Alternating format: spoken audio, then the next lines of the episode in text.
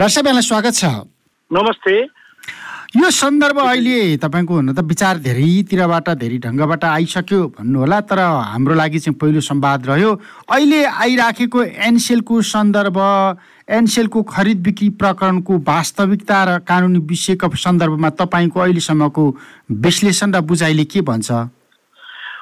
कृष्णजी मैले यो घटनाक्रम आज दसौँ दिनदेखि मिडिया छापामा असाध्यै धेरै कोणबाट विश्लेषण भएको छ।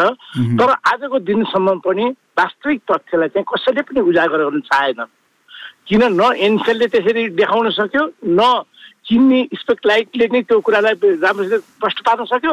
न हाम्रो नियमकरण निकायले नै गर्न सक्यो जब सही र तथ्य कानुन प्रमाणबाट पुष्टि हुने चिजलाई जब हामी प्रस्तुत गर्दैनौँ अनि यहाँ धमिलो पानी हुन्छ यति। भन्दै गर्दा मैले यसमा केही पनि भएको छैन सहज रूपबाट एनसेल प्रकरण बढ्यो भन्ने होइन तर आजको दिनमा तपाईँले घटनाक्रमलाई हेर्नुभयो भने एनसेल प्रकरणमा कहाँ भ्रष्टाचार भएको छ कहाँ व्यतित भएको छ कहाँ कानुनको उल्लङ्घन भएको छ भन्ने कुराको जानकारी गरेर छानबिन गर्नुभन्दा पनि एनसेल प्रकरणलाई राजनीतिकरण गर्न खोजेर पनि मान्छेहरू उग्न खोजेको हो। त्यसैले मानव अहिले भर्खर म तथ्यमा आउने नै छु तपाईँलाई कृष्णजीले खालि ब्याकग्राउन्ड किन भन्न चाह्यो भने हिजो मात्र मैले सुनेको हुनाले अब प्रकरणमा हिजो लेखा समितिले मात्रै हेरेको थियो।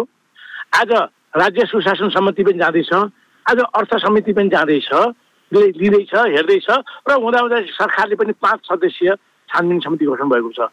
अख्तियार पनि त्यत्तिकै एउटा चाहिँ निष्पक्ष आयोग त्यहाँ छ। यो अब कसले कसले कार कारवाही गर्ने भन्ने सन्दर्भमा यो चाहिँ अहिले पनि घटनाक्रममा हाम्रा सांसद सांसदहरू चाहिँ यो अनुसन्धान भन्दा पनि बढी के केमा चाहिँ भएका छन् त भन्दाखेरि राजनीति गर्नको लागि। म के भनौँ भने आज हिजो के भनियो एनसेलको सेयर बिक्री भयो सेयर प्रकरण चाहिँ गयो भन्ने चाहिँ एउटा चाहिँ भनाइ थियो। तर पछि छानबिन गर्ने जाँदाखेरि एनसेलको सेयर त बिक्री भएको रहेछ। भएको के रहेछ भने भएको के रहेछ भने एनसेलमा दुईटा सेयर धनी छन्। एउटा सेयर धनी हो भनेको रेनाल होल्डिङ लिमिटेड जो किट्स आइल्यान्ड विदेशमा दर्ता भएको छ। अर्को भनेको अर्को भनेको चाहिँ सुनिबारा लिमिटेड नेपाली कम्पनी जसले बिस प्रतिशत होल्ड गर्दछ। आजको दिनमा नेपालको कानुन र नेपालको अनुसार चाहिँ दुइटै चाहिँ ऊ चाहिँ के भने बिक्री वितरण भएको छैन। बिक्री वितरण भएको छैन। त्यो मैले भनेको होइन कम्पनी रेजिस्ट्रारले चिठी पत्र लेखेर लेखा समितिले दियो। र स्वयं प्राधिकरण। सञ्चार दूरसञ्चार प्राधिकरणको एमडीले पनि चाहिँ के भन्यो त भन्दा त्यो चाहिँ नामसारी भएको छैन नेपालमा किनबेच भएको छैन। भएको के रहेछ त भन्दाखेरि कृष्णजी एनसेलमा एनसेल कम्पनीको असी प्रतिशत सेयर धारण गर्ने रेनोल होल्डिङ लिमिटेड कम्पनी जुन सेन्ट क्रिस आइल्यान्डमा दर्ता भएको छ त्यहाँको कम्पनी रेजिस्टरमा त्यो कम्पनीलाई नै दिएको रहेछ आजिटियाले। यहाँ प्रश्न के भने नेपालको कारोबारसित यहाँ विवाद उठेन। यहाँ केही देखेन। समस्या के देखियो त भन्दाखेरि आजिटियाले आजभन्दा सात वर्ष अगाडि टेलिसोरिया भन्ने स्विडेनको कम्पनीबाट यही रेनाल होल्डिङ कम्पनी क्रिस आइडमा किनेको रहेछ एक एक सय छत्तिस अरबमा। किनेर उसले क्यापिटल अनि त्यसपछि त्यो त्यो बिक्री भएपछि यहाँ विवाद उठ्यो क्यापिटल गेनमा र रोनाल्ड होल्डिङ लिमिटेडले नेपालमा क्यापिटल गेन तिर्यो। रोनाल्ड होल्डिङ लिमिटेडको तर्फबाट एनसेलले तिर्यो। आजको दिनमा विवाद कहाँ हो त भन्दाखेरि जुन कम्पनीले एक सय छत्तिसमा टेलिसोनिरियाबाट किनेर अहिले स्पेक लाइटलाई बेचेको छ त्यो आजिटाले किन पैँसठी अरबमा त देखायो। किनेको एक सय छत्तिस अरबमा? अहिले बे- बेच्ने बेला पैँसठीमा बेच्यो भने यहाँ कहाँ चलखेल छ? क्यापिटल गेन छल्न खोजेको होइन भने नै अनुसन्धानको लागि गठन भयो त्यो पनि स्वाभा स्वाभाविक भयो। र यसमा भ्रष्टाचार कहाँ भएको छ? राजनीतिक पार्टीका दल बिचरुवा कहाँ इन्भल्भ छन्? र त्यो भन्ने आएकोमा अस्ति हिजो छाडि अस्ति चाहिँ एउटा सम्झौता पनि भएको रहेछ। यो रोनाल्ड होल्डिङ लिमिटेड कम्पनीलाई किनबेच गर्दाखेरि एनसेलको सेयर किनबेच भएको छैन? एउटा के भने रोनाल्ड होल्डिङले एनसेलको एनसेलमा रहेको असी प्रतिशत सेयर बेच्नु भन्नु र रोनाल्ड होल्डिङ कम्पनीलाई क्रिस आइल्यान्डमा किन्नु भनेको आकाश जमिनको कुरा हो। यो भनेपछि यसरी। बुझौँ अलिकति बुझ्ने भाषामा यो अहिले एनसेलको जुन प्रकरण आइराखेको छ अजियाटाले पुरै बगैँचा बेच्यो एउटा रुख मात्रै बेच्या होइन? बगैँचै बेच्यो। कम्पनी बेच्यो। त्यो बगैँचाभित्र उसका अरू के के रेनाल होल्डिङ बेच्यो। रेनाल होल्डिङसित के छ बगैँचा भने एनसेल भनेको बगैँचा हो होइन? बगैँचाभित्रको एउटा रुख मात्रै भयो। बस्ने एउटा बस्ने एउटा पाँचवटा दसवटा रुख थियो भने आठवटा रुख चाहिँ रेनाल होल्डिङ हो। होइन? रेनाल होल्डिङ हो दुईटा रुख भनेको शनिबार हो। त्यो रुख चाहिँ त्यो बगैँचा चाहिँ बेचेन। त्यो बगैँचा भएको आठवटा जुन चाहिँ रेनाल होल्डिङ छ नि हो रेनाल होल्डिङ कहाँ छ त भन्दा त्यो कम्पनीको त्यो माली चाहिँ कहाँ छ भने सेन्ट क्रिसमा छ। त्यो मालीले त्यो आठवटा रेनाल होल्डिङ भन्ने जुन कम्पनी छ त्यसलाई बेचेको हो. त्यसरी बेच्दाखेरि रेनाल होल्डिङ कम्पनीलाई बेच्दा एउटा कानुन आकर्षित हुन्छ। रेनाल होल्डिङले एनसेलको अस्सी प्रतिशत सेयर बेच्दाखेरि अर्को कानुन आकर्षित हुन्छ। अस्सी प्रतिशत सेयर रेनाल होल्डिङले एनसेलको सेयर बेच्न खोज्यो भने नेपालको कानुन आकर्षित हुन्छ। अस्सी प्रतिशत सेयर धारण गर्ने रोनाल होल्डिङ लिमिटेड कम्पनीलाई नै सेन्ट किसमा बेच्यो भने अर्को कानुन लागू हुन्छ यो कुराको डिफरेन्स नबुझेसम्म कन्फ्युजन हुन्छ। नेपालको कानुनको सन्दर्भमा आजको दिनमा नेपालको कानुन कम्पनी ऐनको कानुन कुनै पनि उल्लङ्घन भएको छैन बरु आकर्षित के हुन्छ भने विदेशमै बेचेको भए पनि रेनोल होल्डिङ कम्पनी बिकेको भए किनेको भए पनि क्यापिटल गेन ट्याक्स चाहिँ तिर्नै पर्छ। र त्यो तिर्नको लागि स्पेक्ट खरिदकर्ताले अस्ति वक्तव्य जारी के भन्यो भने हामीले सम्झौता गरेर किनेका हौँ आजिटा सेयर यसरी किन्दाखेरि नेपालमा आजिटाको बेच्दाखेरि लाग्ने जे जति चाहिँ ऊ चाहिँ छ जे जस्ता चाहिँ कर दायित्व क्यापिटल गेन छ हामी तिर्छौँ र फेरि के भन्ने हो त भन्दाखेरि आजिटाले आज बिक्री गर्दै गर्दा पनि उसले एनसेलबाट पाउनुपर्ने लाभांश डिभिडेन्ड अझै गएको छैन। पैँतिस चालिस अरब लाभांश अझै लान बाँकी छ। अब लाने भएन त्यो रोकिन्छ र जबसम्म नेपालको क्यापिटल गेन ट्याक्स तिर्नुपर्ने अवस्था आएको अवस्था तिर्छ। तर आजको दिनमा कृष्णजी के पनि टुङ्गो लाउनु पर्यो भने कतिमा किनमेट भएको? किनभने एक सय छत्तिस अरबसम्मको मूल्यभित्र रहेर आजिटाले स्पेक्टाइटलाई बेचेको रहेछ भने क्यापिटल गेन दिनु परेन। परेन पहिलाकै मूल्य भयो। छत्तिस अरब भन्दा बढीमा बेचेको रहेछ भने तिर्नुपर्छ र बढीमा बेचेर कममा बेचेको हुँ भनेर ढाँटेको रहेछ भने कानुनी दायरामा आउँछ। खालि क्यापिटल गेन ट्याक्स मात्रै तिर्ने होइन कि त्यो ढाँटेकोमा हाम्रो कानुन अनुसार अ- अपराध संहिता उल्लङ्घन भएकोमा त्यसमा पनि कारवाही हुन्छ। यो त छानबिनले देखाउने कुरा हो। आज मुखले बोल्दैमा होइन। म आज किन तपाईँलाई बोलिरहेको छु मैले एजेटिआईको पनि समर्थन गर्नु जरुरी छैन। एनसेलको पनि गर्नुपर्ने जरुरी छैन। तर यसलाई जुन किसिमको राजनीतिकरण गर्यो नि कृष्ण कि त्यसले म जस्तो व्यक्तिको जुन गरी खाने व्यवसाय म गयो म गान्धी पण्डित गान्धी ल फर्ममा विभिन्न विदेशी लगानीकर्ता आएपछि उनीहरूको कानुनी व्यवस्था मिलाएर कागज गराएर समुद्र गरेर दर्ता गरेर मैले फी लिने मान्छे। हो आज दस वर्ष भयो पाँच वर्ष भयो ठुला लगानीकर्ता आएको छैन र आज एनसेलको त्यो के अरे यो भ्रष्टाचार प्रकरणलाई भ्रष्टाचार भन्नुभन्दा बढी राजनीतिकरण गरेर वास्तविकता गरेर विदेशी लगानीकर्ता नआउने वातावरण बनाएकोले म बढी चिन्तित छु। अब यो वैशाखको नौ र दस गते हामी लगानी सम्मेलनै गर्दैछौँ काठमाडौँमा भनिएको छ। अब अहिले लगानी सम्मेलनको पूर्व सन्ध्यामा यो अजियाटाले जुन ढङ्गबाट नेपालको प्रशासनको सन्दर्भमा ने- नेपालको लगानीको वातावरणका सन्दर्भमा अथवा नेपालको राजनीतिक झमेलाका सन्दर्भमा जस्तो मेसेज प्रवाह गरिराखेको छ यसको असर के पर्छ अब? त्यो एउटा कुरा के भने म्यासेज चाहिँ दिनुहुन्थेन म पहिला भने जुन देशमा आजिताले अहिलेसम्म सत्तरी अरब चाहिँ लाभांश पठाइसक्यो अरू तिस चालिस अरब जानु बाँकी छ उसको लाभांश। त्यो कम्पनी कमाउने वाला यसरी कमाउने।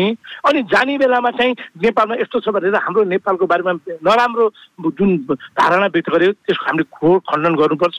हुन्छ भने नेपाल सरकारले टिएटालाई विदेशीमा कुन ठाउँमा मानहानिमा मुद्दा पनि गरेर आफ्नो उसले गरेको कुरा चाहिँ कारबाहीको दायरामा ल्याउनुपर्छ।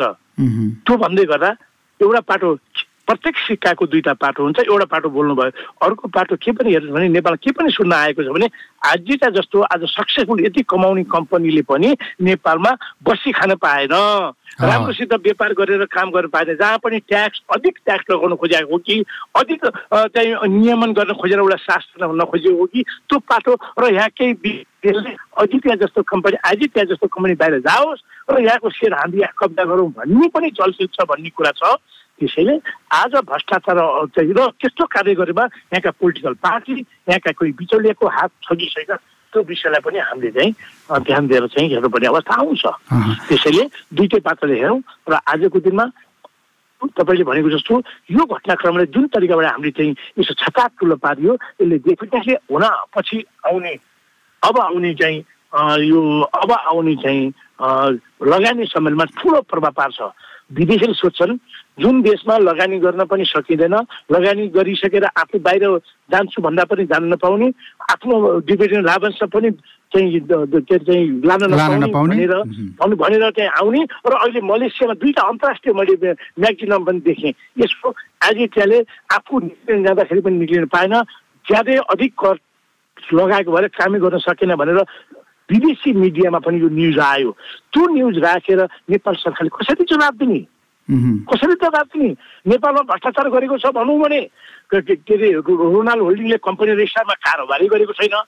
विदेशमा कारोबार गरेको छ भने विदेशी कानुनको परिपाटी नै अर्को छ। तिम्रो कस्तो देश हो भनेर त्यो विदेशी लगानी सम्मेलनमा हाम्रा मन्त्री हाम्रा सचिवहरू गए भने उनीहरूले दिनुपर्ने जवाब के हो भन्ने कुरा तयार गर्नु पर्यो। यिनीहरूसित जवाबै छैन। आज त्यसैले भ्रष्टाचारमा कारवाही हुनैपर्छ अख्तियार जस्तो निकायलाई पनि काम गरेर दिनुपर्छ तर भ्रष्टाचारमा कार काम गरी- गर्छु गर्नुपर्छ भन्ने नाममा भ्रष्टाचारलाई रोक्न खोज्यो। त्यो गतिविधिलाई रोक्न खोजेर आज तिनवटा समिति गठन भए। सम्मानित के अरे सांसदको कमिटीले काम गर्न पाउनु हुँदैन भन्ने होइन। तर तिनवटा समितिले एउटै विषयमा एकैचोटि कारवाही गर्दा कारवाही रोकिन्छ। यस ठाउँमा डकुमेन्ट जान्छ अर्को समितिले पाउँदैन अर्को समितिमा डकुमेन्ट पाउँछ अर्को समिति जाँदैन। यो अनुसन्धान यही तालले बढ्यो भने पाँच वर्षमा पनि यो अनुसन्धान सिद्धिँदैन यत्तिकै रहन्छ। एनसेलको सेयर पनि ट्रान्सफर गर्न पाउँदैन यसको व्यापार पनि गरेर एनसेल डुब्न सक्ने अवस्था पनि आउँछ।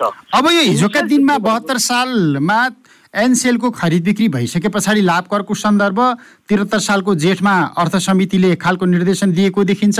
त्रिहत्तर सालकै वैशाखमा संसदमा एउटा सार्वजनिक महत्त्वको प्रस्ताव दर्ता भएको छ त्यसपछि महालेखाको प्रतिवेदन आएको छ। त्यति बेला यो ढङ्गले सूत्रबद्ध रूपमा लाग्दाखेरि त आजका मितिसम्म त्यति बेलाको लाभ कर उठाउन सकिरहेको छैन भने अहिले त जस लिने कि त्यो राजनीतिक लाभ लिने भन्ने जुन हानाथाप संसदीय समितिभित्र पनि देखिएको छ राजनीतिक पार्टीभित्र देखिराखेको छ यसले पार त लगाउँदै लगाउँदैन नि। अनि कानुन त क्षेत्राधिकारको कुरो पनि त आउँछ होला नि। क्षेत्राधिकार चाहिँ कसको हो यो? त्यो क्षेत्रमा क्षेत्राधिकार त नेपालको सिमानाभन्दा बाहिर भएको कारोबारमा हामीले हेर्न पाउँदैनौँ। क्षेत्राधिकार हाम्रो छैन। एउटा क्षेत्राधिकार छ त्यो क्यापिटल गेनको चाहिँ कुरा। क्यापिटलको गेनको कुरा विवाद हो आज। क्यापिटलको तिर्छु किन्ने मान्छेले पनि तिर्छु भनिसकेको छ। मेरो जिम्मेवारी भयो। उसले सम्झौता गर्यो एजेन्सीसित। नेपालमा लाग्ने सबै दायित्व म वहन गर्छु भनेर कागज गरेर चाहिँ इन्सपेक्टर आइसक्यो। उसले अस्ति वक्तव्य दिएर म जिम्मा लिन्छु भनिसक्यो। जिम्मा लिन्छु नि मुखले बोलेको मात्र होइन उसको जिम्मालाई कार्यान्वयन गर्न सक्ने पैसा पनि नेपाल सरकारको यहाँ छ। ब्याङ्कमा।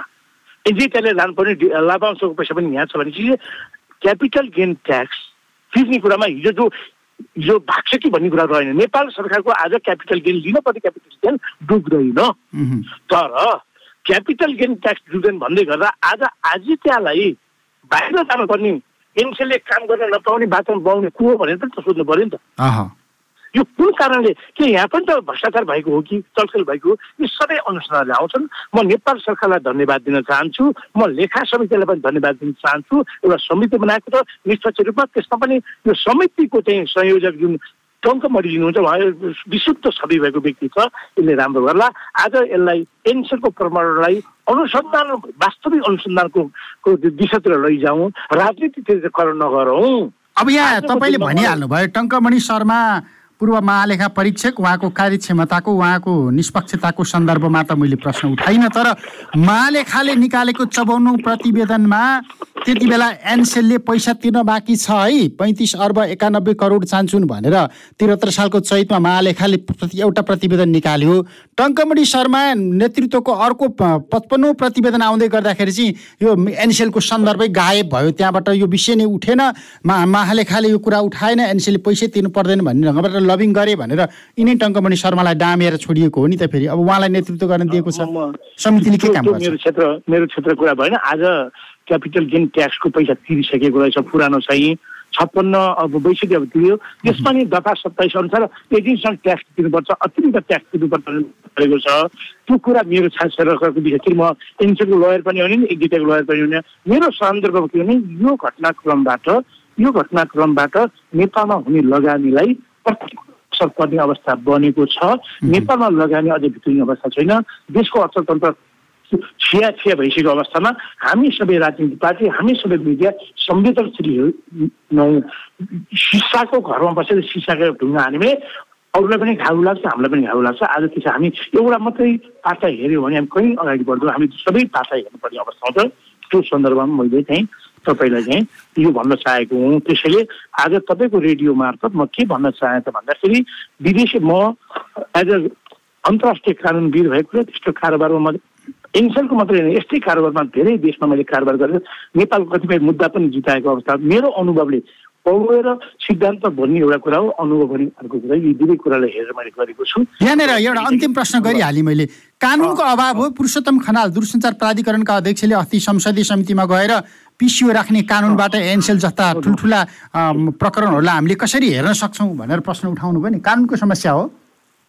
त्यो समस्या नेपालमा कानुनको समस्या होइन। किनभने नेपालमा सेयर एनसेलको सेयर बिक्री भएको छैन मैले भनिसकेँ। रेनाल होल्डिङको अस्सी पर्सेन्ट अहिले पनि छ। सुनिबार चाहिँ उसको पनि बिस पर्सेन्ट छ। समस्या यहाँ बिक्री भएको छैन। समस्या भएको भने नेपालको के अरे सिमानाभन्दा बाहिर भएको कारोबारमा लाग्ने क्यापिटल गेनको ट्याक्सको इस्यु मात्रै हो। कति क्यापिटल गेन तिर्ने? किन मूल्य कम देखाइयो? उसले एजिटियाले एक करोड छत्तिस अरबमा किन्ने बेच्दाखेरि साठी अरबमा बेच्यो भने के चलखल छ? त्यसको छानबिन गरौँ? किन बेच्न कमै नपाउने भन्ने त होइन। तर यो कम देखाएको वास्तविक कम हो कि ट्याक्स क्यापिटल गेन ट्याक्सलाई छल्ने मनसाले गरेको हो त्यो गरौँ। हुनसक्छ भित्री रूपमा एक अरब पचास एक खरब पचास अरबमा बेचेको रहेछ भने त र भोलि ट्याक्स तिर्नै पर्छ नि। त्यस्तो छल छ यही छानबिन समितिले हेरिहाल्छ नि सबै कुरा। सबै कागज माग्छ एजिटिआरले माग्छ तुलसीले भने टाइटले कागज दिनुपर्छ।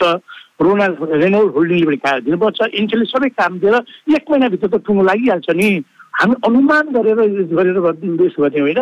यसलाई राजनीतिकरण नगरौँ र अहिलेको अवस्थामा विदेश जे जति गरे पनि विदेशी नेपालमा आउने विदेशी लगानमा प्रतिकूल प्रभाव पर्ने किसिमको काम गर्न नदिनु हुन्छ। हुन्छ समय र संवादको लागि धन्यवाद। धन्यवाद।